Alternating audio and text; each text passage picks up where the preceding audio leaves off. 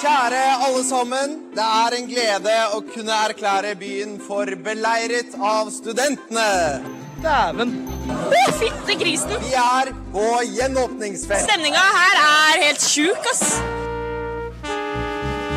Det er rett og slett skikkelig, skikkelig kult.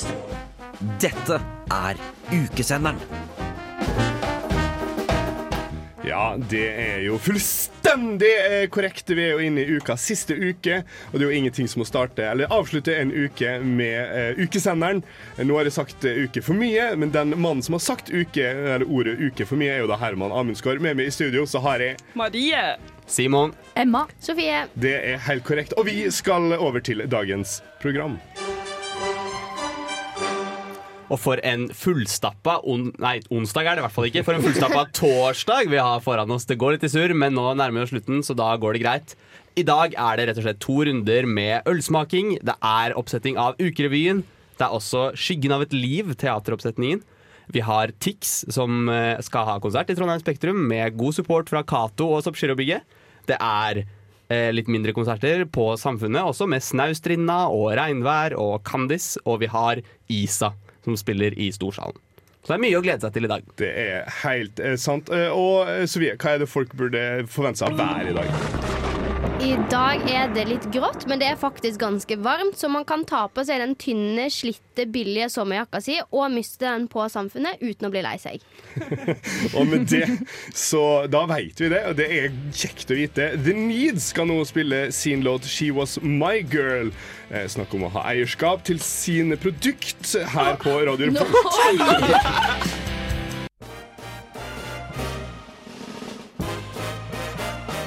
Halloi, folkens! Det her er Øystein Dolmen fra Knut og Ludvigsen, og du hører nå på ukesenderen verdens mest fantastiske og dynamiske og utsvevende ukesender. Ingenting stemmer jo mer enn akkurat det. Vi skal snakke om humorgalla, eh, og der ser jeg Emma lene seg mot mikrofonen. Jo, takk for at du spør. Humorgalla er jo Det er egentlig hver eneste uke så inviterer uka en haug med standup-komikere. Det, er det er et underholdningsbidrag, men det er liksom et avbrekk fra kun musikk, da. Jeg er veldig glad i det. Eh, og i går så var det jo Ahmed Mammo, eh, Christian Mikkelsen Du ser rart med det. Ja, jeg lurte på hva du sa, men så skjønte jeg det. Jeg prøvde å være helt, helt sikker på Det, det hørtes ut som du sa Amund Mamma. Ja, jeg tror du sa at du hadde et kallenavn på deg sjøl, at du kalte deg selv for Amund Mamma. Liksom. Sånn, Hva, hva er det? Fra nå, altså? Lars Berrum. og og, og sistemann som var eh, Henrik Flatseth og Sandra Spjelkavik. eh, Hvem er det? Jeg aner ikke, men de kommer til det. Fordi nå, nå, skal jeg, jeg tenkte, nå har jeg laga en anmeldelse, skal gå kronologisk. eh, Og, og jeg elska det her. Det var så bra! Det, og det hele starta med at eh, de som styrer lys, nei, lyd nede på eh, Storsalen, de hadde glemt å skru opp mikrofonen. Lars Berrum var konferansier. Og han brukte de første fem minutter på bare å skrike, sånn at alle i storsalen skulle høre. Bare skreik til FK om hvor elendig de var i jobben, og liksom la dem hardt under bordet. Og etter det så halte han han, han hadde ikke noe materiale. Han bare gikk der og improviserte. Fant en fra Fysmat og var sånn Ja, hva du ser av liksom fysikk og matematikk? Og så, Faen er det? Altså, Hvis du bæsjer på det, da er det jo i som sykepleier, så må du tørke rumpa di. Han holdt på sånn lenge. Jævlig gøy. Presenterte første, som da var Ahmed. Forstår du nå? Ja, ja, ja. Ja, ja. første, første fem minutter brukte han på å forklare navnet sitt. Så eh, om det er Ja. forvirring, så er det forvirring. Eh, vet ikke, Har dere forhold til Ahmed eh, Mammo?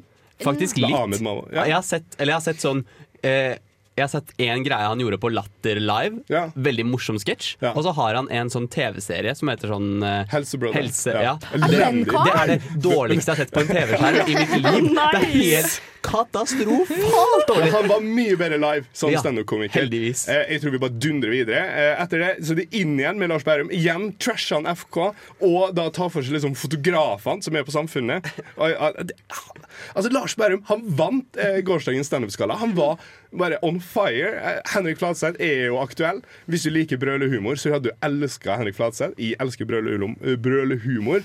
Eh, han var mye grovere og morsommere enn alle andre.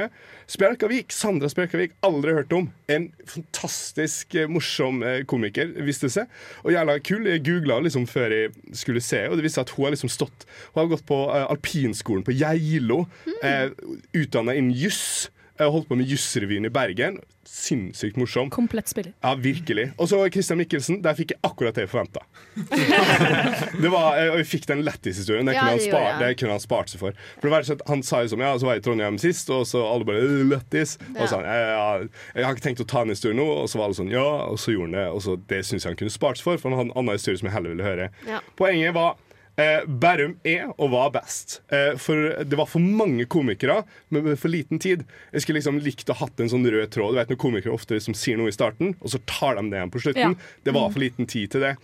Eh, de leverte som bare søren, selv om liksom det, var, det er jo studentfrivillighet, så ting gikk gærent. Alt i alt terningkast fem på det. Det er kjempebra. Ikke dårlig. Det var verdt å dra på. Ja, Ja. det skjønner jeg godt. Eh, vi skal nå eh, høre en låt. Her får du Cato og Gabrielle i natt.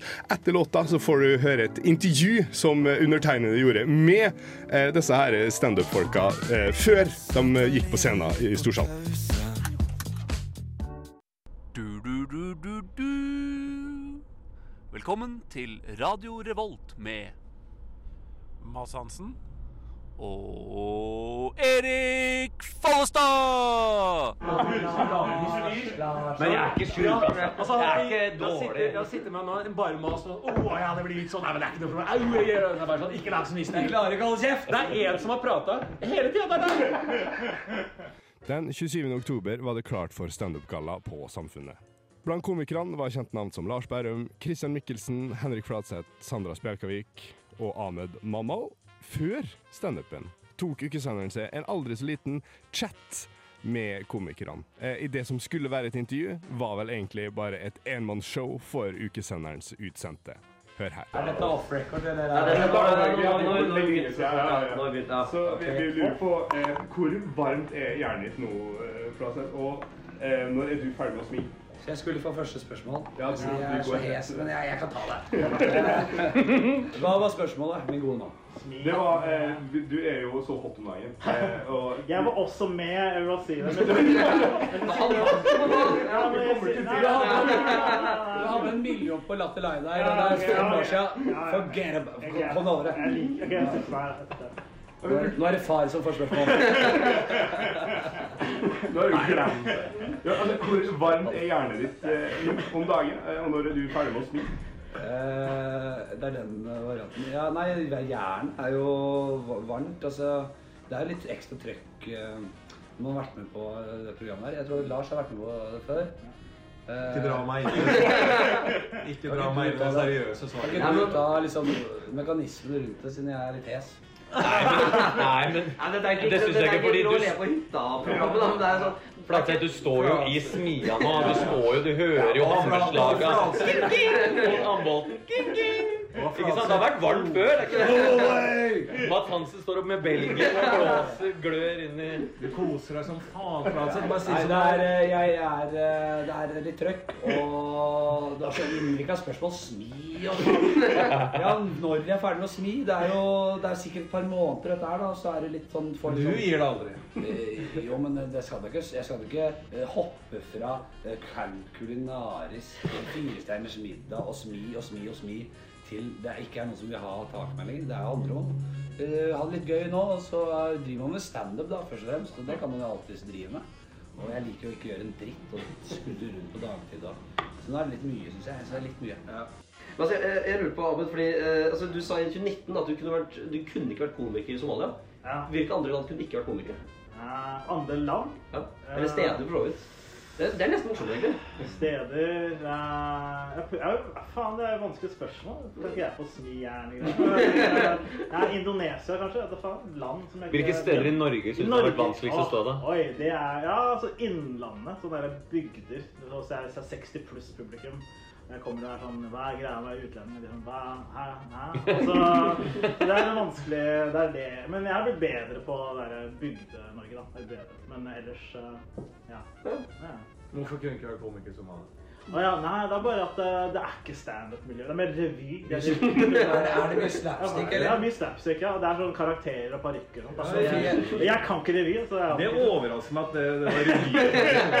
Ja, men det er uh, ordentlig. Men det er mer sånn Det er sånn ordentlig sånn bygderevy. da. Nei, Nå kommer karakteren bygdefylla full av fyren, og så er det Hva er du her? Og så, ja. Men folk blir så drept, da. Hvis du, hvis du driver med revy, er det veldig farlig. Hvis du ikke er morsom? Ja, ja, ja, er. Spiller revybandet fortsatt Let Me Entertain? Let me entertain Det liksom, det er, ja, det er Squid Game, Somalia Squid Game. Det er en dårlig parykk og en karakter som ikke får latter, så er det bare Al-Shabaab. Kristian vet bedre enn meg, faktisk, hvis du er helt ærlig. Kristian med parykken og dialekter. Jeg kan ikke noen dialekt engang. Men det er jo gøy at eh, det er revy fra I Norge også er vi Jeg, hørte, leste en greie om at norsk, norsk humor stammer fra vi, er, vi ligger til Tyskland, vi. Vi ligger ikke til England. Jeg, har alltid trodd at vi sånn er britisk humorstil, men vi ligger til Tyskland sånn historiemessig. Det er derfor vi har den derre øl- og rorbua og revygreiene. For, vi- for det er sånn vi har alltid sett på oss selv som sånn Å, vi liker den britiske. Men det er virkelig noe nytt da, i Norge. For vi, vi, vi liker egentlig ikke det sånn nasjonaltmessig. Bare, eh, for å arrestere deg litt på historien her. Vi, vi var jo import, Vi dro jo altså viking, vikingene Og skal du begynne å snakke om vikinger? Jeg ble tatt ut av klassen. Jeg kan alt om Jeg kan runealfabetet. Jeg kan skrive runer. Så nå, nå er jeg spent, Flapse. Hvor ofte hører du Nå er jeg det? spent. Og så dro de over til Tyskland. Nå, nå, ja, Vikingene var de første som så Monty Python. De kom tilbake. Jeg har ikke sagt at vi dro over til Tyskland. Jeg har ikke sagt at vi dro over til Tyskland. Tyskerne kom jo hit. Ja, jeg- Hanseatene, 1500-tallet. Vi, vi stammer Med ja, ølhallene. humormessig, så er vi eh, eh, Fra krigstida? Nei, ikke fra krigstida. Lenge før det. Vi stammer tysk humormessig. Ikke sant? Sånn som Jeg stammer jo fra gamle Preutzer-riket.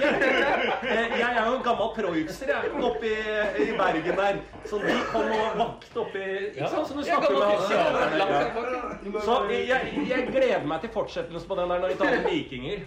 Handelsfolket. Ja, det var handelsrutene som kom med humoren, da. På, på elvene nede i Øst-Europa. Ja. Tok de lille tyske båtene sine over og gjøgla litt. Og- lærte jeg nylig et intervju han som har skrevet uh, Santa Lucia-boka, som har kommet nå. Han er gæren. Men han, eh, han skrev da eh, eh, Vikingene var første eller, som stjal Santa Lucia-liket. Og så er det farta rundt i Europa, vet du. Mm. Stjal liket? Ja.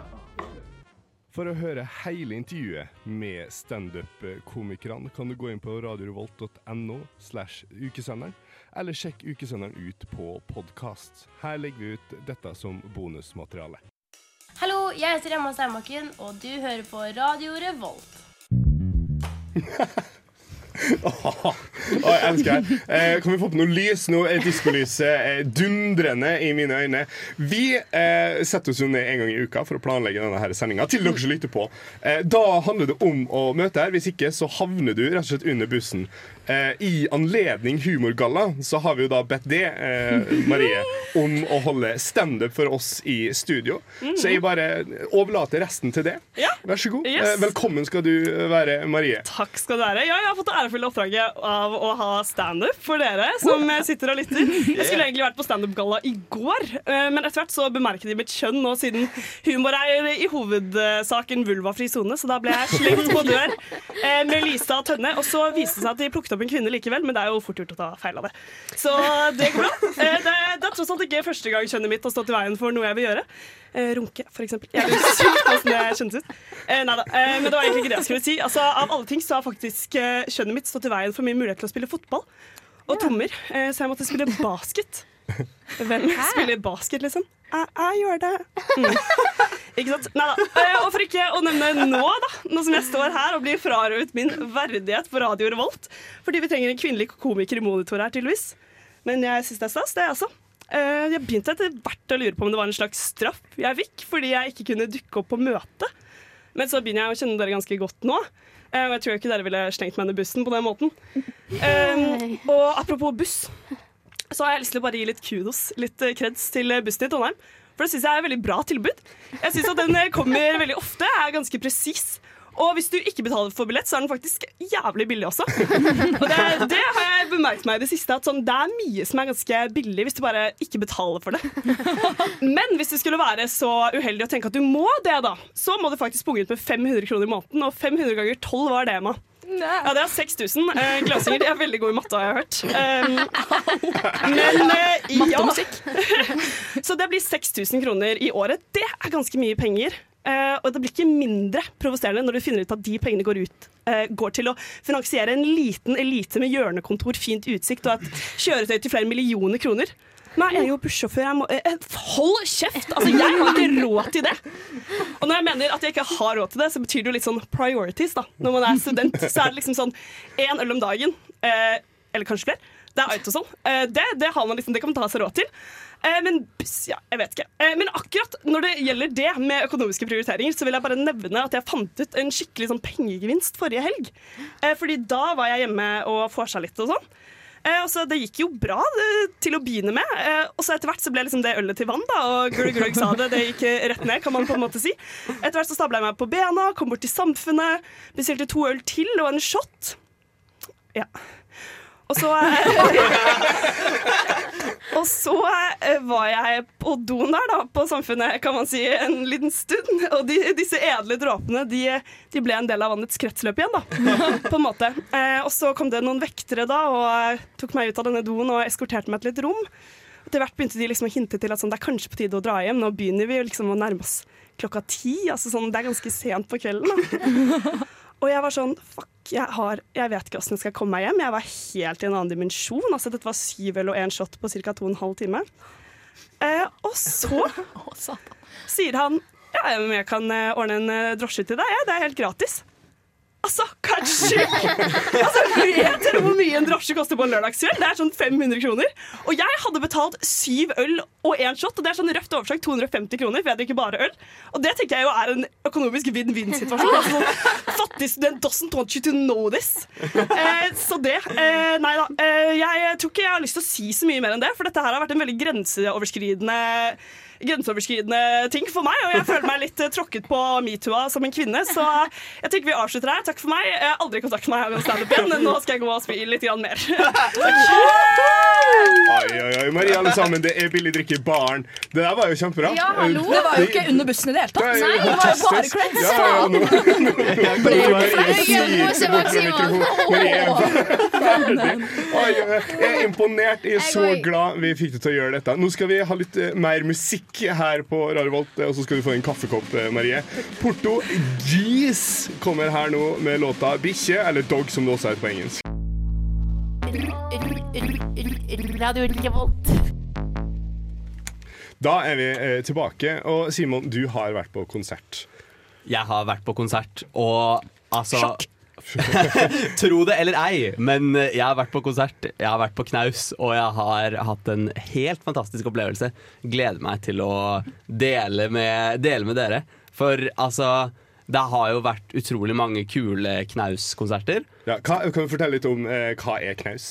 Knaus det er jo en av konsertscenene på Samfunnet, og det er den eh, minste av de tre, da, hvis vi regner Storsalen, Klubben Mm. og Knaus. Og der er på en måte litt mindre kjente artister får slippe til, og de har et sånt konsept som heter 2359. At de, eh, en eh, ny artist som er litt sånn up and coming, får spille hver helg klokka 23.59. Hvor liksom Kakk Madafakka og Karpe har spilt før de ble kjente. Mm. Så de har litt navn å skilte med.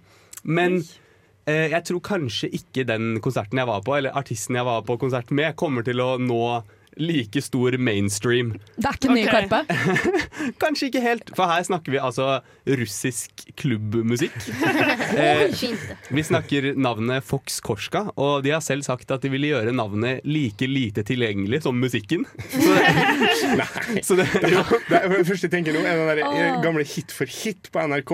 Der har du en sånn gatemusiker som han har alt han vil, er jo ikke være populær. Han liksom sparer spiller på kassett, og med en gang noen har hørt, så kaster den og sånn. Ja, går det hjemme kassetten i butikken for å ikke være selvout? ja, ja, er det den type, liksom? Uh, nei, det er bare at musikken er veldig spasa. Eller ja, det er ikke Det er så langt fra listepop som man kommer. Men først, altså full eh, disclosure her, så må vi bare si at eh, Mats, som er han ene i Fox Korska, han er med her i studentmediene og er på radio for Sagtann. Og jeg er også klassekamerat med han, så eh, jeg kjenner jo han fra før. Men jeg er overbevist om at jeg hadde hatt det minst like bra. Fordi altså, du får bare servert en liksom vegg av dansemusikk. Er, og masse rare lyder som er utrolig kule og spennende å høre på. Og plutselig står de der og roper, og eh, det er på en måte alt servert i en pakke hvor liksom du får danse, og du får trøkk, og du får bass, men det er ikke for høyt. Og publikum er der, og de er glade og fornøyde, og alle gir hverandre plass til å danse. Altså, som en drøm. Mm. Så Sofie, nå har jo du Jeg lurte på om det Når du sier russisk musikk, følte du at du var i utlandet når du var der? Ja, for er det balalaika, eller er det liksom tekno? Det er, det er tekno. Det er tekno så langt som vi får det. Det er langt unna russisk folkemusikk. Beinhardt, liksom. Det er sånn som du forventer i en kjeller i Moskva, hvor de har liksom murt for veggene, sånn at det skal være natt hele døgnet. Liksom. Det er det du hører Hva er det man forventer av en kjeller i Moskva? Har ikke du vært der? Det her er det dine, dine venner drømmer om, det er kjellere i Moskva. Det er eh, det beste jeg vet. Og eh, det, det skjedde så mye merkelige greier. Altså Plutselig, bare sånn underveis De har sånn der stor skjerm bak. Og så underveis i konserten, mens vi danser og svetter, og det er 60 grader inne, minst, liksom. Plutselig så dukker det opp noen som spiller sånn her horse racing-simulator på skjermen bak. og liksom jeg, jeg lurer på om de hadde delt ut en sånn spillkontroller til noen i publikum og sto og spilte sånn hestespill som gikk i bakgrunnen av konserten. Men eh, ja, det var, det var helt ville tilstander. Det var liksom folk eh, kledde av seg mer og mer, og det ble varmere og varmere. Og, men det var fortsatt liksom hyggelig.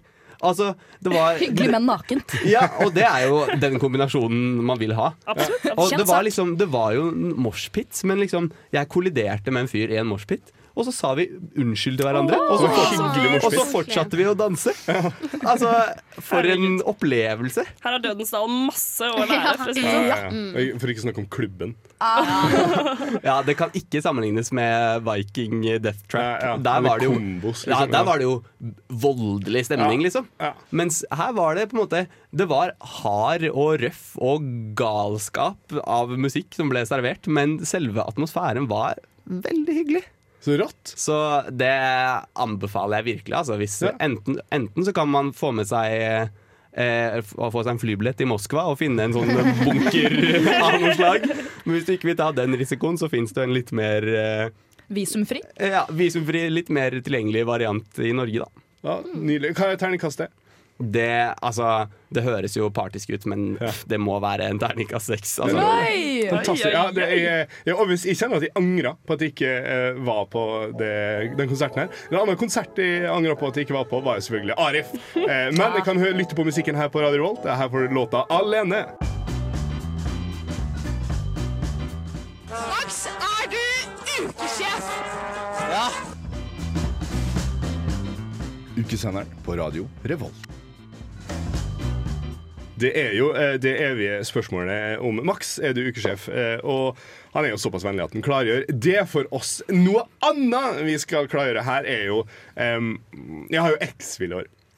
Det har jo gått sånn passe med den lesinga, eh, men eh, det mye om at jeg må sende mail til rådgiver. Men eh, noe annet er altså, sånn, X-Fil handler mye om de store spørsmålene. Du skal fundere, tenke, lure på.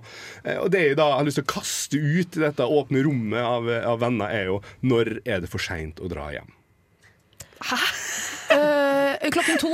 Klokka to. Er det for sent klokka to? Så må du 02.00 argumentere det. ifølge eh, How Much Your Mother. Nei, gi Det er sant. Nothing good happens after, 2 a.m. Yes. Mm. Så jeg ville bare mm, komme med fasiten sånn med en gang. Ja. For det er jo How Much Your Mother. Ja, men det er eh, fasiten. herlig, da skal vi høre. inn, liksom, Men jeg er jo uenig, da, fordi a lot of good things happened after 2 a.m. in my life. Ja, så nå, nå er det bare å kritisere meg for det jeg har sagt. Fyr løs. Ja. Fy faen! Nerd! Ja, al- al- al- altså, det er jo etter to, ikke sant? Da stenger jo byen. Det er det lurt å dra hjem, det kan jeg være med på, men det er jo altfor tidlig. Ja, det er jo Det er. Definitivt det. ja, Mm. ja. Da går jo bussen fortsatt, og nei, fy faen. Ikke sant? Det er nettopp det. det, er nettopp det. Og, Gratis taxi må man jo ha, så da må man bli litt til. Nei, men Gratis taxi, Nei, da må du jo ha klokka ti, da. Det spørs hvem som ringer. ja, det var det, ja. Liksom, det her er altså, vi snakka med, med Halvard tekniker her, som er utrolig dyktig. Han, han spurte oss da eh, i stad liksom, eh, Hvis du blir over eh, til altså, Er det for seint å dra hjem? Før eller etter frokost? da Hvis du, hvis du snubler inn på Moholt med et eller annet. Ikke sant? Hvis du drar hjem før frokost, da har du dratt hjem for seint og for tidlig. Ja. Ja, Ikke sant? Det er et spørsmål! Jeg er så fornøyd med spørsmålet her. Ja. Når, når er det for sent å dra hjem fra byen, da? For jeg vil si at det som er hvis, du, hvis du ikke eh, eh, er invitert på et spesifikt sted som har nachspiel til deg, Ja. eh, da ville jeg dratt litt før to. Fordi at da eh, slipper du køa.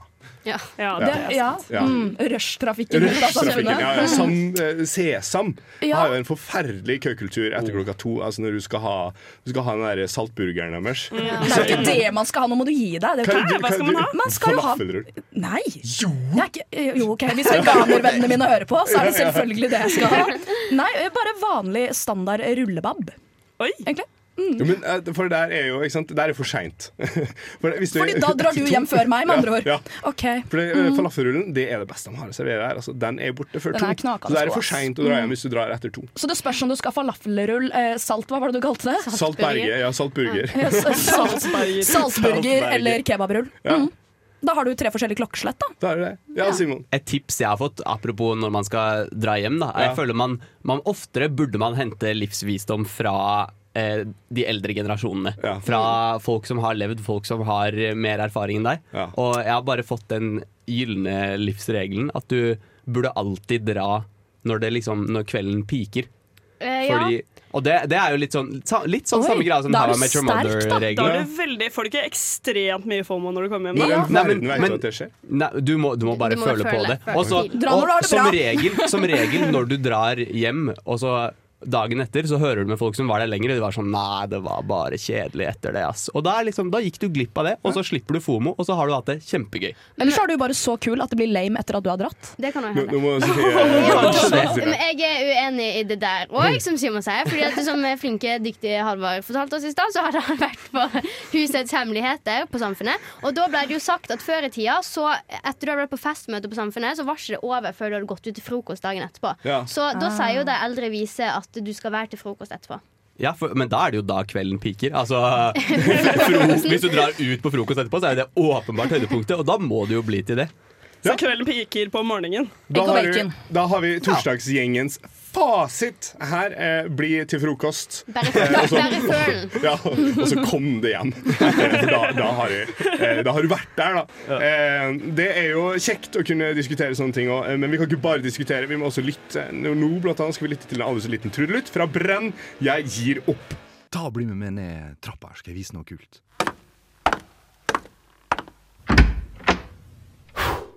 Arkivet. Året er 1949.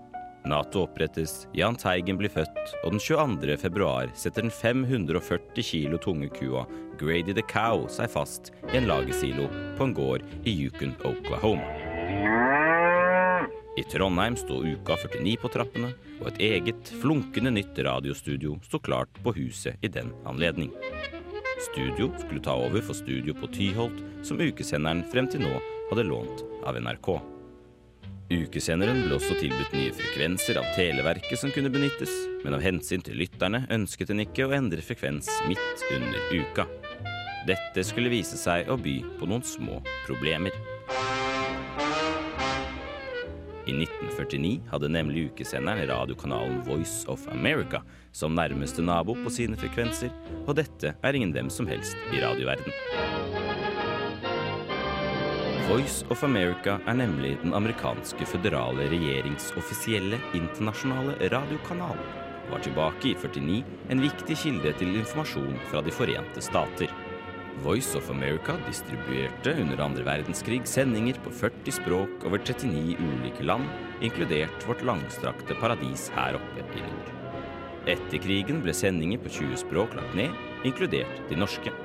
Dette stoppet dog ikke de amerikanske myndighetene fra å forsøke å spre sine kapitalistiske lover utover sine egne grenser, og fortsatte å sende til land som Norge, bare nå på engelsk. Special English, vel å merke. En helt unik og egenutviklet form for engelsk, opplest sakte, som nøyde seg med et ordforråd på bare 1500 ord, og som ble snakket i korte setninger som gjerne helst bare skulle uttrykke ett enkelt poeng hver. Denne formen for engelsk var enklere å forstå for utrente ører, og ble etter hvert et viktig språkopplæringsredskap. Det var dog ikke i utgangspunktet formens pedagogiske egenskaper som var bakgrunnen for dens eksistens. Voice of America var nemlig tidvis utsatt for en så hyppig forekomst av jamming at vanlig språk knapt var umulig å forstå seg på. Men hva er jamming, spør du, og hvorfor rammer dette akkurat Voice of America? Selv om krigen er over og nazistene har danset sin siste dans, er spenningen mellom de store nasjoner enda ikke lagt seg. De forente amerikanske stater sverger til kapitalismen, mens vesten for Alaska og østen for Karasjok har vokst seg opp en stormakt ulik noen annen.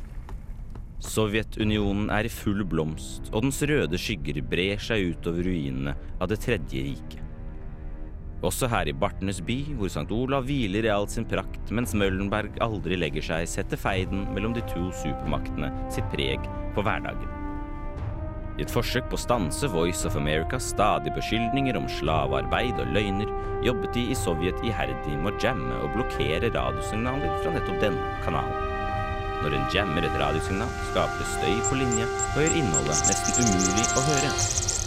En propagandakamp ble derfor sendingene forenklet fra Washington, mens de ble forsøkt sensurert og destruert fra Moskva, og det var nettopp denne aktiviteten som gjorde at det å beholde sin plass som vennlig frekvensnabo ved siden av Voice of America viste seg å være et mareritt. Kommunistens angrep mot de amerikanske frekvensene hadde nemlig en tendens til å bomme på sitt mål, og de stakkars frivillige studentene som kun ønsket å fylle byen med morsomheter, ble møtt med sabotasje i verdensklasse. Russerne var som ulver etter Voice of America, som lå like ved siden av oss i 41- og 49-metersbåndene, skrev daværende sendersjef. Og det hendte stadig at de glefset ved siden av oss og traff oss i stedet, så lytterne fikk dotter i ørene. Problemet ble løst så fort uka var over, og ukesenderen kunne med det ta fatt på nye oppgaver. Bedre frekvenser til tross, problemene lot ikke vente på seg. For ikke å forstyrre NRKs sendinger måtte ukesenderen på lufta utenom beste sendetid, og det ble av kringkastingssjefen i 1955 uttalt at ukesenderen komprimenterte kringkastingen. Hva nå enn det betyr. Men dette får være en historie for en senere anledning. Så min venn, sett deg nå godt til rette hvor enn du er i verden, og husk at selv om ikke neste låt kanskje er din favoritt, så er det uansett bedre enn russisk sabotasje. Ukesenderen! Ah, det knur reit i ørekanalene, det her, ja. I kveld eh, er det faktisk lov å være hore. Ja! Ifølge eh, ukas største konsert noensinne. Fordi Spektrum skal fylles, er fylt. Eh, på vei til Spektrum skal ikke fylles. Det skal ikke fylles. Eh, eh, forresten en meget god håndballarena. Det er ingenting med saken å gjøre, jeg vil bare si det. Eh, Du har ikke spilt der, da, for den er jo ny. Så. ja, jeg, jeg, jeg, aldri, jeg har bare sikla Ja. utafor. Ja. Eh, men åh, hadde ikke vært for det kneet, vet du. Så, så Nei da! Det vi skal snakke om nå, Det er jo selvfølgelig Tix og Rustig. Fordi i går så var jeg på Huset eh, med tanke på det standup-showet. Eh, eh, og det, det er, da var det eks-russefest på Huset. Burde ikke den vært i dag? Uh, nei, for da rekker du ikke å dra på Tix. Kan du ikke begge Er ikke deler? det samme greie, holdt jeg på å si? Ja. Nei, men ja, for Tix skal det- jo vare så, lenge. så planla jeg to dagers eks-russefest? Ja. Ok, For da er det andre. Hvilke årsgruppe er, årsgruppe er det som drar på eks-russefest? Fordi alle så i går var jo faen ung. Men det må jo være koronabarna som ikke fikk liksom en ekte russetid. Og så er det sånn, Ja. jeg fikk ikke brukt dressen og Det og så tror jeg stemmer, fordi russedressene jeg så i går, var faktisk veldig rene. Ja, og sammen med hettegenserne og pannebåndene. Jeg var sånn, Det der skal ikke være Ja. mulig. på Altså, rus. man- Og man kan høre det på måten de snakker på. Altså, eh, altså De har ikke vært akademikere lenge nok. og, altså, men det, det er bare helt en Å, jeg elsker det, og jeg hater det. Det verste jeg vet, er jo 19-åringer. Og det beste jeg vet, er jo når de er full For de er bare så, det er det, Jeg ser jo på dem med dårlige øyne. Bare sånn, åh, de, aner ikke hva som, er, hva som venter dem av gode ting. Men det er jo et fantastisk godt poeng at dette er koronabarna. Ja. Mm. Så de tar sin første shot og liksom danser til Tix og Nei, jeg vet ikke. Nei, ja. For Hvem, er det, fordi dette er jo gjengen som ikke har lov å kjøpe alkohol. Det er helt riktig. Ja. Det fins sånne også. Tenk det, da. Men en motsetning også. At jeg var også på huset, og jeg hørte flere Eller overhørte flere som sa sånn Ja, nei, jeg var på russe, eller ekstrarussefest sist uka, da lovte jeg meg selv at det var siste gang. Men, så det er noen gamle travere der også. Det er bra du sier, for det leder meg inn på det store spørsmålet, som var liksom vi som sto og venta på at standupen skulle åpne, er Ser man yngre ut i russebukse? Prøver du nå å lure på om det er eh, liksom greit at du drar? Om det Nei, er nei, nei, jo, ja, selvfølgelig. Det Ja, er- dere har bare lurt på ting! Men man ser yngre ut i russebukse. Jeg tror det. Ja, Ja. ja. Eller det var min erfaring eh, Eller jeg ble i hvert fall tatt helt tilbake til videregående av å gå liksom bane vei gjennom alle disse russebuksekledde menneskene. Og de, de så, både så og oppførte seg yngre enn det de var, vil jeg eh, påstå. i hvert fall Men altså, for Hvis du var med eh, russefest sist uka, det var i 19 Så at du var russ i, ja, i 19 da den, eh, Jeg vet ikke med dere, men den dressen min eh, den havna jo på liksom, atomfarlig avfallseksjonen på, på Årelia hjemme i Molde. Det, jo, det, var, var nasty, altså. Men, så da er det noen som har tenkt Nå, mamma og pappa, skal ungen ut av redet. Så jeg har pakka sammen russedressen min og dratt den opp til Trondheim. På, av, av, av en eller annen merkelig grunn. Jeg, jeg, jeg Nei, men, Nei! ja, men det er jo det som sier at du har jo den med fordi du vet du skal på ekstrahusfest. Jeg hadde min her fra, fra jeg si starta til nå når jeg skulle barndom til tantebarnet mitt og tok den med hjem. Jeg tror flertallet i dette rommet har den dressen liggende under senga. Nei, nei, nei. Jo. Nei, men- Ikke lat som du hører på ting med på tips. Ja, Tenk om Ikke kommer her nå, altså. Men jeg skjønner ikke hvordan, hvordan vet man om Eller liksom ja, jeg, jeg klarer ikke å sette meg inn i det at man vet før man kommer hit at X-russefest skjer, og Nei, men tar Simon, man du reiser jo hjem på ferie. Begynte du- Og så nærmer det seg Det med ikke, med på flyttelasset, Ja, Jeg liksom. hadde ikke tatt det med om jeg visste at det skjedde. Kniv, gaffel, russedress. Nei. Hvordan så din russedress ut? eh, eller snekkerbukse, hvis du hadde det? Nei, eh, jeg- hadde ikke Nei, slutt med snekkerbukse. Jeg føler faktisk skam på det når jeg er her med bare Oslo-folk som er Ja, sånn unnskyld. Jeg beklager. Ingen, er som har Det å felleskjøpe dress. Det er veldig utafor.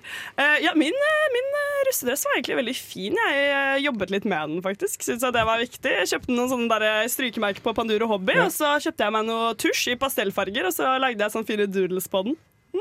Wow. De, Men de ble litt gnidd bort. altså, Etter uh, den Var det grønske uh, mye grønske, mye øl. Det er mest øl. Fordi jeg, va- Ja. altså, jeg husker sånn Før russetiden så var jeg sånn fy faen, man vasker den vel ganske ofte. Altså, Ja, Unnskyld, men vasket dere russen? Nei. Nei, men- Da tar du jo beina. Da blir det kortbukser. Det var ulovlig. Men du har lov til å vaske den etter rustig, Herman. Det er Ja, men det Ja. måtte jo kastes. Nei, Det det. Og det var så ille. Fordi, Vaskes. Ja. Ja, det var der, for jeg bomma på ordet. Ja. men du har faktisk kastet den, Herman. Jeg har ikke peiling. Jeg, jeg la den i en pose. Moren hans har kastet den. Eh, Jeg håper mamma har kastet den. Ja. Eh, Men det skal jeg sjekke i juleferien, tenkte jeg. Hva var, hva Eh, var russenavnet deres? Nei. Er det lov til å Mitt spørre var hvit det? Hvitnesa, og så kom det folk bort til meg og spurte om jeg solgte kokain. så det var ikke helt heldig, Jeg kanskje. var, jeg var Supermann. Wow. Det er kult, da. Og det var stille fra den Det her er der. Ja, det så lenge mitt sugdeballet mitt var få det pånes. Der kommer Alan Walker. Kan du ta den igjen? Få det pånes. Jeg syns ikke det var så Det er det beste jeg har hørt. Det er Det er så dårlig. Hva het eh, bil, buss eller gjeng, da? Eh, den het Skåla osloensis, for jeg gikk på Katta. Eh, Var det dere? Ja. Å nei! Det en jeg mye av. Vi har en russesang, den kommer etterpå. Eh, Jeg kjører låt før det her blir fadderuke. Vi skal høre Allan Walker eh, med, med den Slutt. Jeg klarer ikke å la være. Jeg syns det er det. Stor humor. Ja. Det er 31 sekunder introtid. Det er jo bare altså, Det er jo ingenting som skjer. tenk da, da kan vi være stille bare. og Ja, det, altså, noen har markert det her feil. I hvert fall så skal du få Alan Walker med låta 'Faded'. Stillingsansvarlig, festansvarlig, serveringsansvarlig, frivillig verv, ja takk, teltbartender, logistikksjef, lagerassistent, ukefrivillig. Da er jeg på vei til Dødens dal og skal ta en prat med sjefen i uka. Han har da ansvar for ekstremt mange mennesker og eh, arrangementene som skjer i Dødens dal. Vi skal prate litt om hvordan det har vært eh, arrangere ting, hvordan det er å ha ansvar for så mye mennesker, og egentlig hva vervet hans går ut på. OK, her står jeg med Adrian, arenasjef. Hva er det du holder på med, egentlig? Eh, Jeg er arenasjef og sitter da både i ukestyret eh, sammen med de andre seksjonslederne og Max. Og så er jeg sjef her i Dønsdal og i Trondheim Spektrum. Ja, eh, Trondheim Spektrum er nytt i år. Hvordan er det det har gått? Trondheim Spektrum er helt nytt. Det er ganske nervepirrende, for det er stort og veldig veldig ukjent. Her i Dønsdal så har vi jo mange erfaringsoverføringer fra 20 år tilbake i tid, så det er ganske mye å gå på, og ganske mange mennesker vi vet har god ansiennitet. Men i Spektrum så er det litt annerledes, og det er helt nye mennesker, så vi har brukt litt erfarne folk fra Dødsdal i 19 til å jobbe og få Spektrum opp og gå i år. Ja, Og det har fungert? Så langt så har det fungert. Eh, nå er det jo konsert på torsdag, så vi får se hvor godt det har fungert. Men eh, så langt, så godt. Ja, så bra. Det er Tix, ikke sant? Riktig. Ja. Tix og Cato Og og Soppgirobygget. Ja, det er nytt uh, slipp i dag. Cato ble sluppet i dag, ja. Yes. Mm. Så lurer jeg, ja, Nå snakket vi jo litt om eh, hvordan forberedelsen har vært. Hvordan har det gått med tanke på korona? Sånn? Det har vært en ganske usikker tid. Riktig. Ja, vi har planlagt for alle mulige scenarioer hele tiden. Og vi har prøvd å planlegge både for full åpning og for det mest restriktive i det som ble kalt trinn fire i gjenåpningen. Eh, Og tok en beslutning på at vi skulle ha Dønsdal, og det var kjempebra. Og så fjerna regjeringen trinn fire fra planen og gjorde det egentlig veldig vanskelig for oss igjen. Ja. Så vi har egentlig aldri visst om vi kan ha 1000 sittende, eller 3500, eller 6000 stående. da. Så har vi heldigvis landa på 6000 stående, og det er vi veldig veldig glad for. Den Ja. beskjeden var veldig gode nyheter. Det var det, absolutt. Dødensdal er jo ekstremt stort, og lurer på hvor mange mennesker er det egentlig som er med og driver det her? Eh, I arenaseksjonen så er vi 340-350 mennesker til sammen.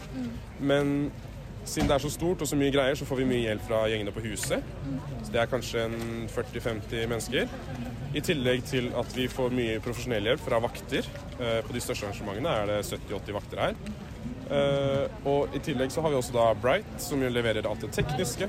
Eh, og så har vi en del sånn støttefunksjoner og funksjoner som ikke jobber direkte med dalen, men som f.eks. har promotert arrangementer og sånt. Da. Så det er jo markedsføringen. Ja. Mm.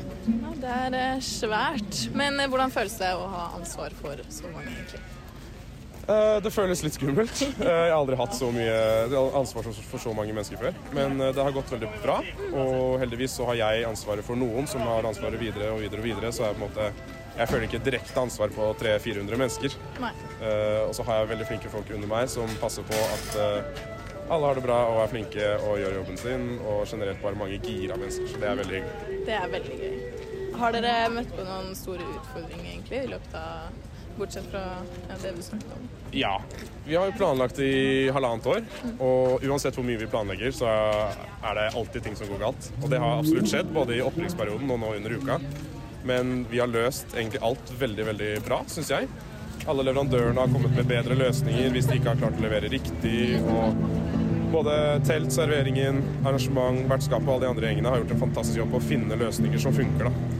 En spesifikk ting var at vi hadde ganske mye vind i starten av uka, som rev, revna mye banner og sånt. Og da fikk vi hjelp fra grafikken som hastebestilte opp nye bannere. da. Så det var veldig, veldig bra. Nå har det jo vært eh, Hvor mange arrangementer har det vært? da? Tre? Fem, fire arrangementer. Fire. Okay. Og hvordan har det gått så langt? Det har generelt vært mange hendelser eh, som vi har tatt hånd om eh, og håndtert, men ingen uventede hendelser i så veldig stor grad. Så de fleste hendelsene har vi håndtert og er egentlig helt normale å se på en festival av den størrelsen her. Ja. Eh, så generelt så har det gått veldig, veldig bra. Det er godt å høre. Mm. Mm. Det håper vi selvfølgelig at Ja. også går de neste tre arrangementene. Ja. Hvordan er det å arrangere Jeg regner med at du bruker mange timer eh, av døgnet ditt her nå. Mm. Eh, hvordan er det å være i det trondheimsværet på en skala fra 1 til 10? Ja, det er- varierer veldig hvor gøy eller hvor kjipt det er. Men nå har jeg kjøpt meg nye klær eh, fra topp til tå på av ull og alt mulig, så nå går det mye bedre. Og så er det jo litt sjarmerende å kunne invitere Trondheims befolkning til skikkelig trondheimsvær og konsert. Men vi hadde jo sol og veldig fint vær i opprykksperioden. Og så har vi bare hatt regn og sludd og hagl nå i eh, festivalperioden. Så det har jo vært kjipt, men gøy, men greit. Vi klarer oss. Ja. Mm. Det er vel en sjarm med det òg. Ja. Mye tid, mye folk, mye ansvar, mye Mm. jobb. Eh, hva er det som gjør det verdt det? Eh, For meg så kommer motivasjonen av å se 6000 mennesker hoppe i takt til sangene som vi arrangerer, eller konsertene som vi arrangerer. Eh, Og det er bare å se så mange glade ansikter, nå spesielt etter korona, så er det helt fantastisk. Og på en måte vite at det er det du har jobbet for i ett år, halvannet år, og det kommer til liv på den måten. da. Det, det er bare helt nydelig å se. Dine ørekanaler blir velsignet av ukesenderen.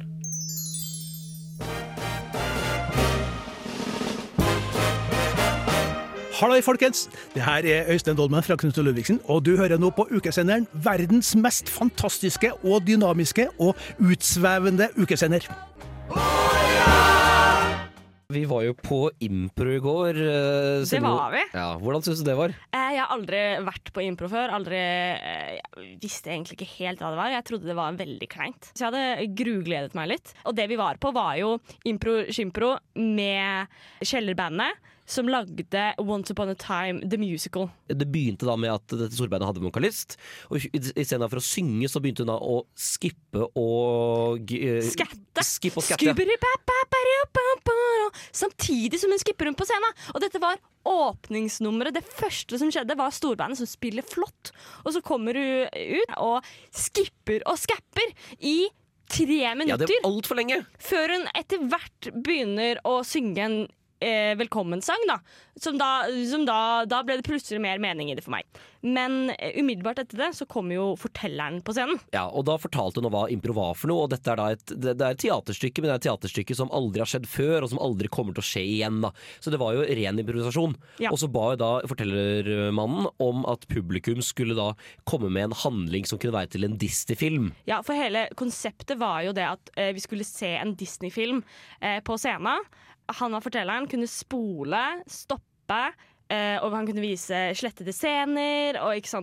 Eh, og dette brukte fortelleren veldig aktivt gjennom hele, som jeg syntes var skikkelig kult. Det var et veldig smart grep. da Ja, for han var god, og han var god på å skjære gjennom, for det var jo noen ganger at sånn, du følte at ok, nå dør scenen ut, eller noen ganger så rett og slett dreit det seg ut å komme med frempek, eller de ødela på det alt sammen, og da var han god på det. Nei, dette var en sletta scene. Så Ja. han på mange måter redda jo hele, var ekstremt dyktig å lese skuespillet godt. det, det var så veldig tydelig at han var god på hva en god teaterforestilling er. da Ja. Og hvordan den skal bygges opp.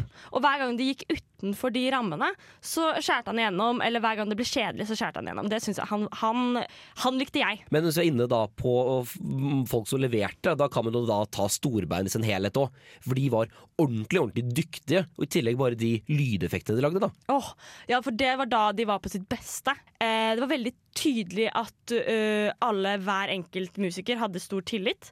Så når de da, eh, en enkelt musiker bare så sitt snitt til å lage en lyd eller et eller annet sånt noe, som en lydeffekt i hva skuespilleren gjorde, det var dritkult. Ja, det var sånn kul gitarsolo, husker jeg. Det, det satte jeg også veldig pris på. Ja, og handlingen var jo typisk Disney-handling.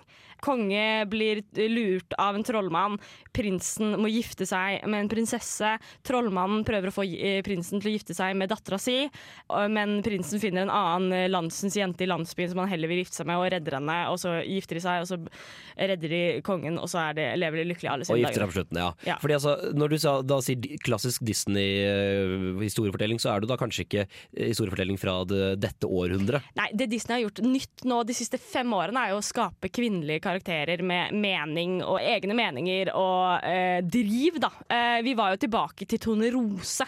Jeg skrev mine notater, eh, jeg kalte det for redningsobjekter. Ja. For det var jo på mange måter det kvinna her var. Mm. Og så kan man jo også da si at prinsen har vel kanskje hatt bedre dager på impro-skuespillerjobben sin.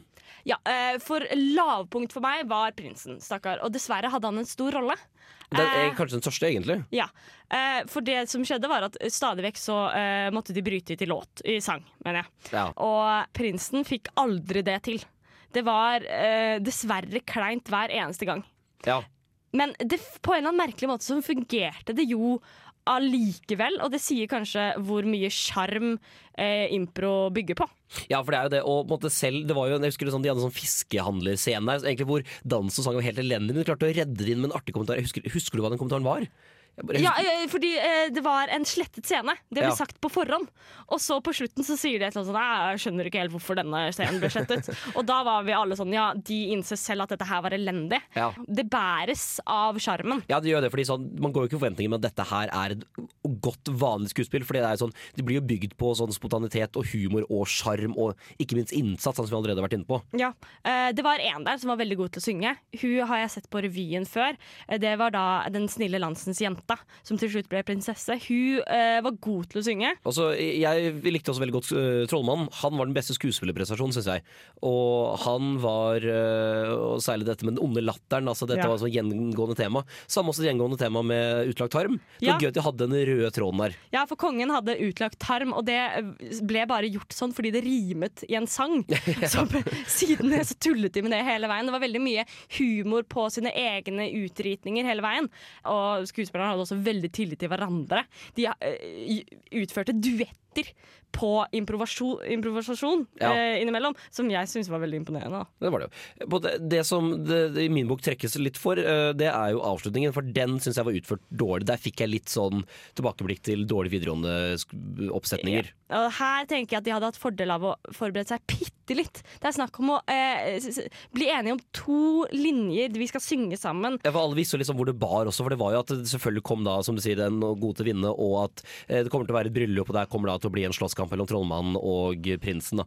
Så det var, det var for, på en måte forutsigbart, men det hadde sånn, det var, når, det, når det var såpass forutsigbart, så burde det også vært løst bedre. Så vi har landa på terningkast fire, har vi ikke det? Jo, det taper seg pga. dårlig avslutning og skipping. Ja. Og prinsens eh, Litt for stor rolle til en litt for dårlig dag. Ja. Det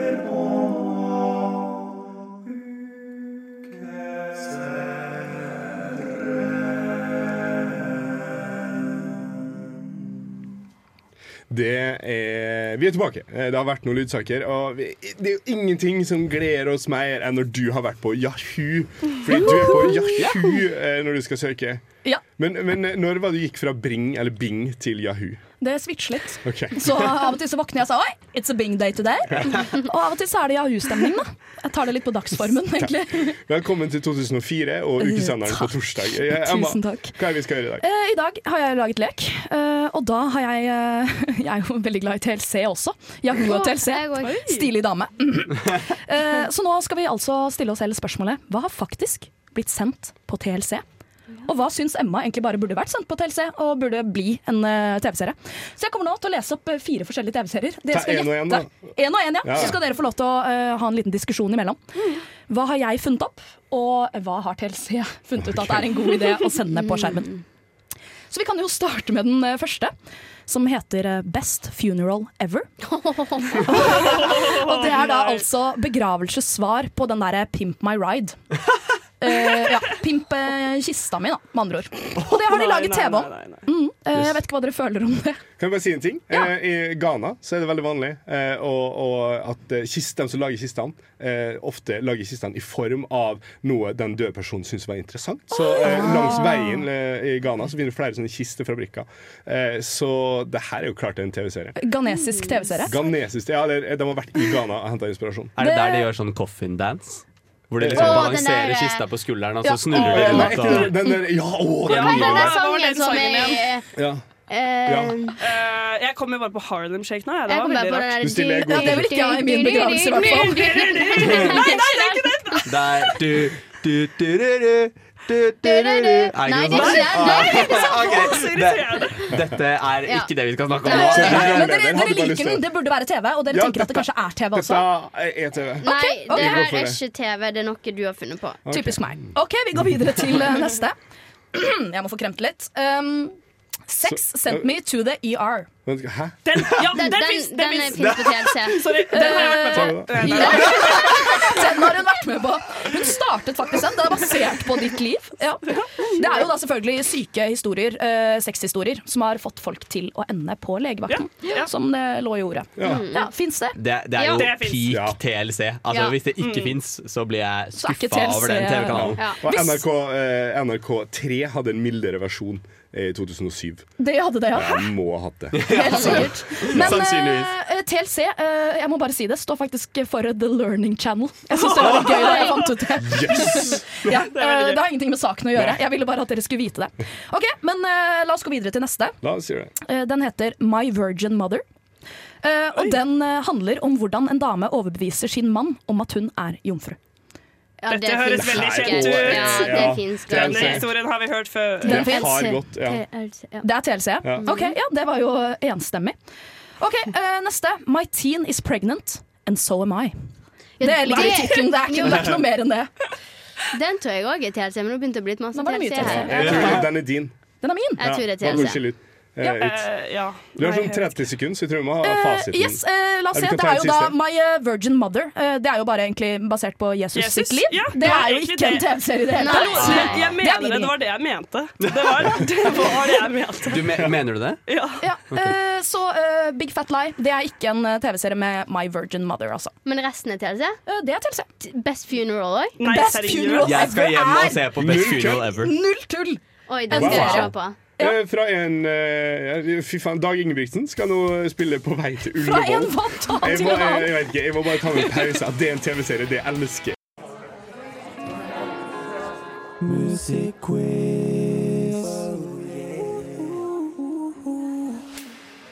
Og vi er tilbake med musikkquiz. Og det er siste sending, det er siste musikkquiz. Det er trist, men det betyr også at konkurranseinstinktet må være på topp fra alle her. Fordi det er nå det skal avgjøres. Kan, kan jeg få lov å skyte inn at Det er kanskje det segmentet vi har liksom fyrt oss I hvert fall sist sending. Blir så Så, ja, dårlig god altså, det stemning. blir- aggressiv. Og det var, det, det var min feil. Jeg skal være helt ærlig på det. Men jeg elsker musikkquizen, og endelig er du tilbake. Skål. Det er godt å være tilbake. Det er deilig med litt temperatur. Um, og ja, det er jo et, et lite kreativt innslag hver gang. Og eh, i, til denne musikkquizen har jeg tenkt at vi skal ta det til bokstavelig talt nye høyder.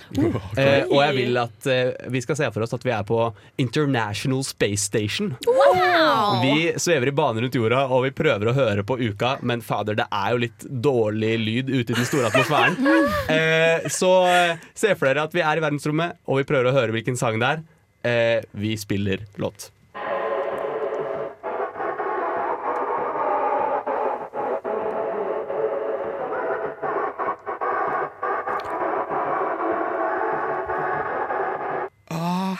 Oi. Det er første Oi. gang eh, folk er satt ut av spill. Oi! Ja, for Ja. det der var jo det er, for det første, Du er sykt bra på å ja, lage det. er- Det er ja. helt sinnssykt, men, men Å, ehm, Det var spøysa. Unnskyld. Gå, gå ut. Kanskje, kanskje vi må høre en gang til? Jeg, Ja, ble ja, faktisk, jeg ble litt usikker selv. Oi.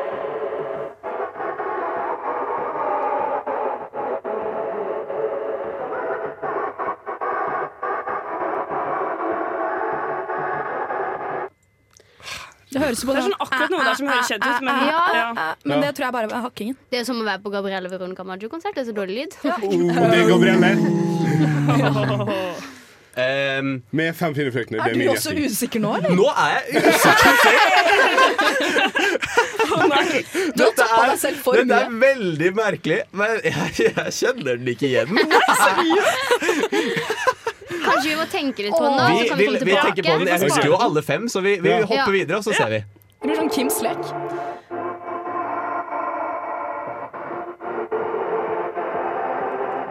Eh, Sjeiken. Nei, OK. Jeg tror jeg vet det. Å, jeg har, har jo hørt Ah, den, men dette er så forferdelig. em, det er Det er jo en, eh, det er en eh, Dødens Ja, det, det, det er Veronica Maggio. Det stemmer. Og det er tilfeldigheter.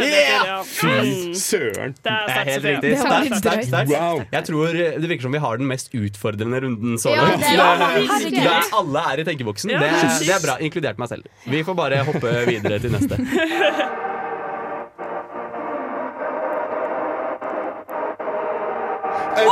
Sjeiken. Yes! Var det en? Da hørte jeg ordet jeg kjente igjen. Ja. Jeg hørte drita. Å, det var en duell her. Men det Vet du var hva, det går bra. Jeg har vunnet musikkquiz for denne sangen før. Jeg hater det så mye. Jeg tar- jeg har null humor på det. fantastisk. Vi ser om det går like bra neste låt.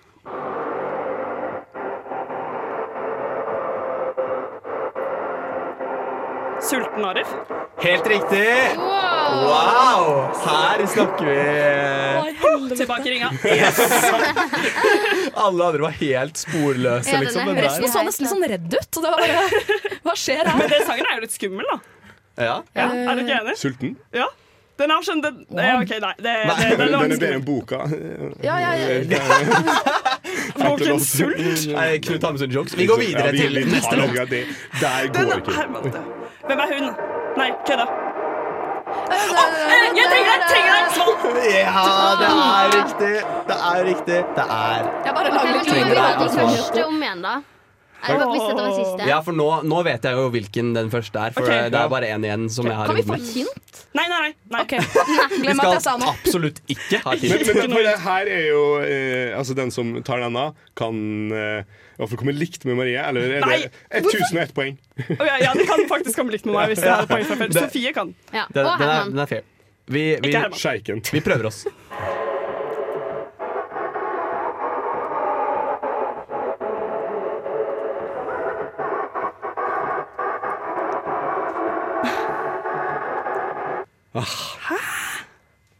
Nå, nå som jeg husker hvilken det er, så kjenner jeg den litt mer igjen. Men det er uh, Men kan du gi oss konsertarena? Jeg føler det er en kvinnelig artist. Det Det jeg at jeg er hører. en kvinnelig artist. Ja. Vi snakker Dødens Dal. Vi snakker Gabrielle.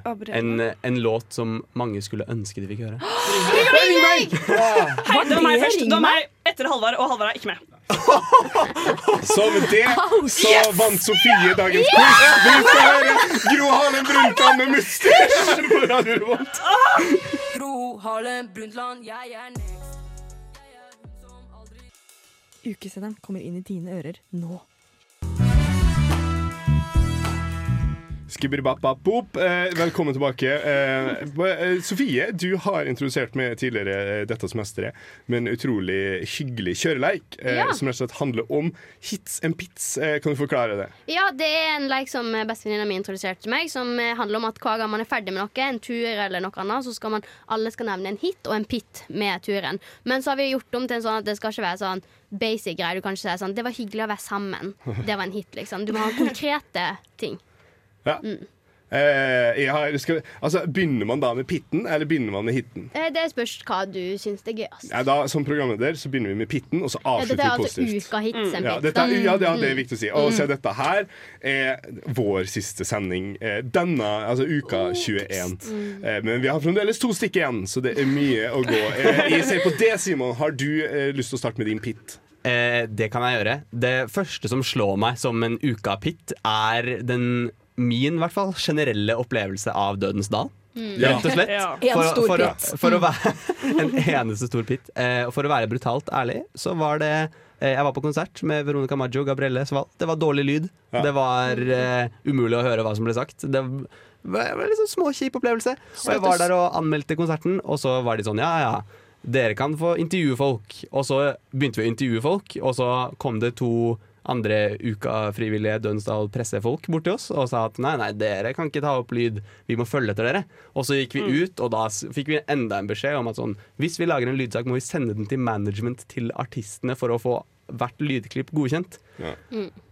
Bare kaos, ikke en positiv opplevelse. Nei. Rett og slett. Maria, Marie, jeg ser på det. Ja, eh, helt enig. Med Dødensdal. for det meste en stor pit, men jeg må jo dessverre trekke opp dette dragshowet igjen som jeg gjorde på utsending. Det var en eneste stor pit. De var leid inn rett fra folkehøyskole. Eller barneskole, kanskje. Det var helt, helt så, Jeg beklager, men det var helt katastrofeopplegg. Det var, som jeg har sagt før, som å se på barn som har bestemt seg for å ha en forestilling på julaften, eller noe, og så tar de av seg klærne til slutt. Og det vil du ikke se på. Eller, eller noen, noen vil sikkert det, men jeg vil ikke se på det. Ja. Godt å vite. Emma. Uh, ja, Ja. Uh, jeg var på Oktoberfest. Det var gøy. Men Syns du det? Ja, jeg hadde det gøy. Ok.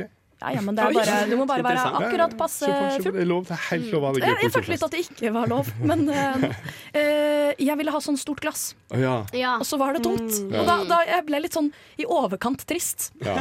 Eh, Uff da. Hvis, hvis det er din største uka-pit, så har du hatt det ganske hatt ganske Jeg fint, Jeg, Jeg fikk ikke glass. Jeg fikk stort glass. Jeg skulle ikke hatt stor glass Ja, men da får jeg ditt store glass, og så er det ikke noe pitt. Nei, nå jeg har jo, jeg har jo fått sneket det ut der pakka. Ja, Nei, men det er jo da man, man trenger visst ikke å snike det ut. Nei, er du visst inkludert til prisen. Du har kjøpt det. Ja, for jeg var Så sånn har «Ja, jeg på plass Så jeg på gikk med det i buksa og sjangla rundt der. Ingen grunn. Du kunne bare gått ut med det i handa.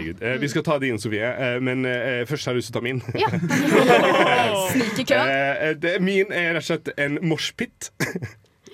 Eh, eh, det er eh, Under Kombos-konserten så var det noen som slo meg Eh, og da, det har jeg sett bare sånn Vold er jævla ukult. Eh, og kult Jeg elsker moshpiten, eh, men det er liksom å, å begynne å, å Slår deg med vilje, liksom? Ja, ja, altså det kom et eh, opp ja, En rett høyre, liksom? Ja, det, er, eh, det sugde litt, som jeg skrev i notatene mine. Eh, det var min pit egentlig der. Etter det så var det ikke lenge før jeg stakk fra Kombos. For jeg bare sånn, Hvis det er sånn her stemmer, er, Ja. det kan de drite i. Eh, og, så det ødela litt eh, den der.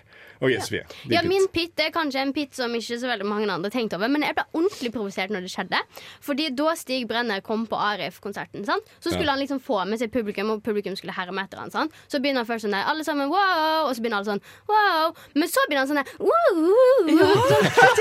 Sånn, og så kommer publikum og så var sånn Han skulle jo bare showe off. Det var ingen som klarte å være med på det der greiene der. Men, men prøvde han på den der Freddie Mercury-greia der, liksom? Sikkert. Ok.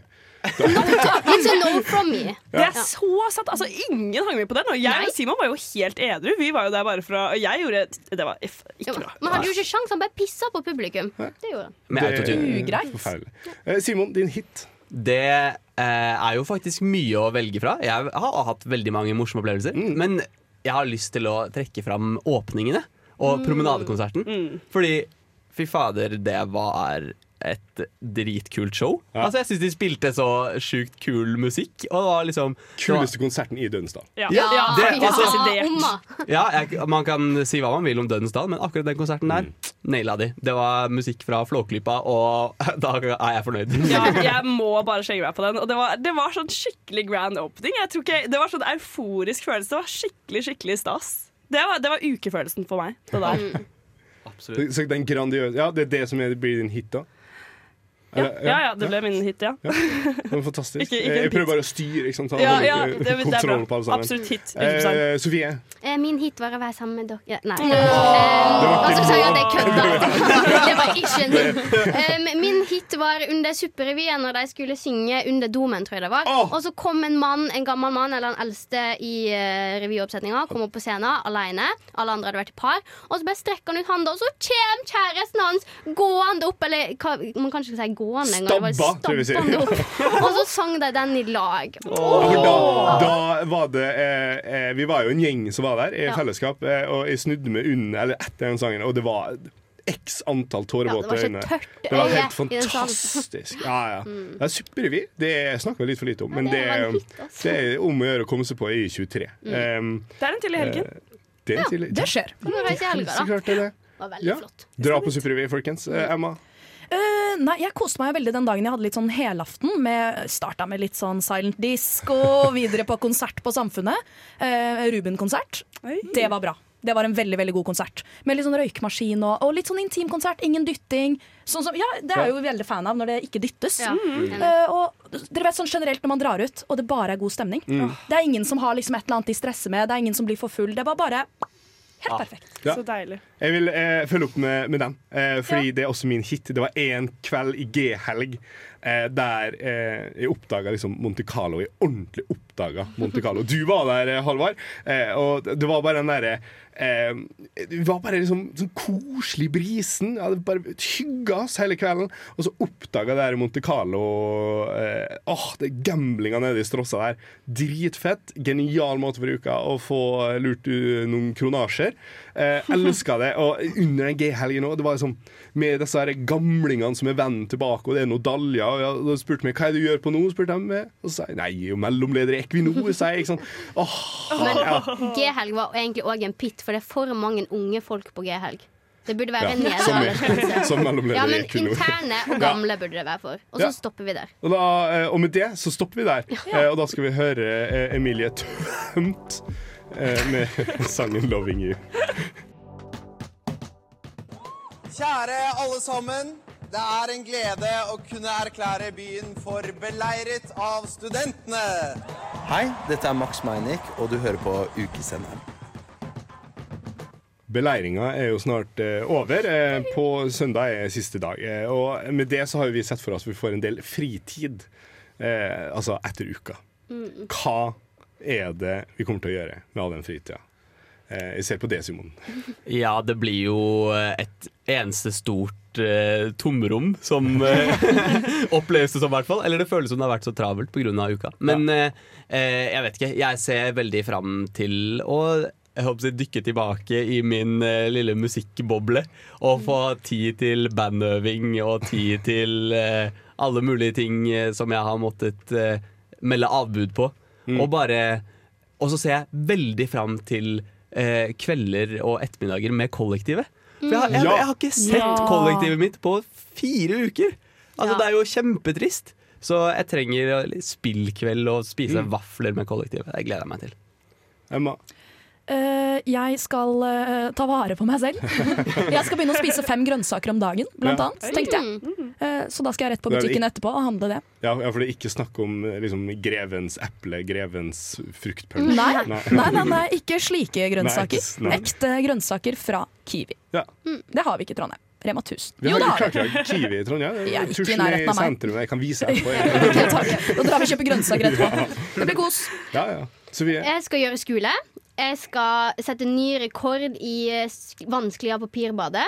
Og så skal jeg til Oslo. Ja. Det skal jeg bruke til. Ah, jeg, jeg- må bare slenge meg på Før vi tar det, Marie Så må jeg slenge meg på det her med skole For jeg gleder meg til å, å få struktur Igjen den her Å kunne sette en alarm eh, Ganske tidlig å liksom kunne dra på skolen Få rutiner Mm. Planlegge liksom, ukesmiddager. Mm. Ja. Og så gleder jeg meg til å få en hverdag Jeg gleder meg til å ikke ha vært ute på tirsdag Sånn at onsdag og halve torsdag er ødelagt Mm. eh, Og jeg, jeg, jeg kjenner jeg er på gråten Jeg tror, det er bra for meg okay, Marie, avslutningsvis her nå Ja, eh, jeg skal tilbake på skolebenken og lese om psykiske lidelser. Jeg gleder Du skal, videre, du skal fortsette, du.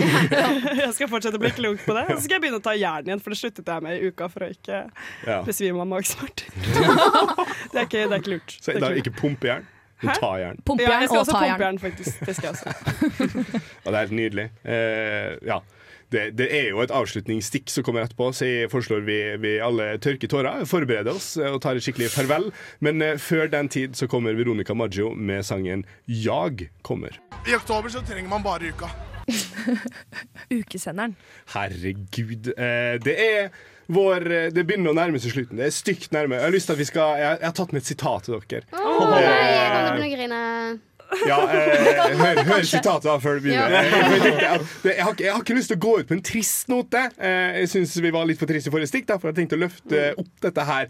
Eh, vi skal tilbake til 1860-tallet i USA under den amerikanske borgerkrigen. Så ble en av eh, de nordstatsgeneralene skutt. Eh, Og han døde med hans siste sitat. Det var da 'Honeybun, how do I look in the face?' Det er det sitatet jeg, jeg vil sende med dere ut. Tusen takk. Ja, det var ikke et gråtsitat, nei. Det er ikke et gråtesitat. Eller, jeg tror der, Han døde jo, da, så vi kunne jo ha lagt opp sånn. Men jeg hadde ikke lyst til det. Jeg hadde tenkt liksom Vi skal jo ikke dø. Vi ser jo bra ut, vi, selv etter fire uker med et sant uh, juba-luba. Det har vært, altså, eh, Jeg vet ikke hvor jeg skal begynne. Eh, for meg har det vært eh, travelt og en ære. Mm. Der kan du begynne. Det har vært veldig gøy å være her i studio hver torsdag med dere. Eh, Veldig kos. Det har vært Altså, for en reise det har vært. Det har, liksom, Ja. Dette har jo vært hele livene våre de siste fire ukene. Altså, det er jo helt ekstremt. Også, Det blir rart å se for seg en hverdag uten å møte opp her hver torsdag, liksom. Og prate og kose seg. Og Jeg, jeg føler jeg rakk ikke å få noen hverdag i Trondheim før jeg ble med i radioen. Så jeg, det, Nice. jeg, Du må lage deg nye vaner, du. Du må lage deg en ny Ja. hver dag. Jeg syns det er sykt skummelt faktisk å slutte med det. Det er det skikkelig fælt. Ja, og nå skal jeg liksom være med i de vervene jeg har i Linjeforeningen, som jeg bare er totalt har neglisjert. Og nå kjenner de hverandre skikkelig godt, og så kommer jeg her sånn Ja, det er hun som var med i radio. Eh, det går bra. Vi har opptak til Stand-up-komikeren! våren. Tar det igjen da. Mm. Ja, men det, har, det er rett og slett fantastisk. Jeg har kost med glugg i hjel. Det har vært eh, intensivt. Og eh, for et arrangement uka er! Jeg ja, ja. elsker ja. Wow. uka. Ja, ja, ja. Eh, og jeg vet vi liksom skal være forsiktige med å si det, men jeg elsker uka! Torsdagsgjengen, takk for oss!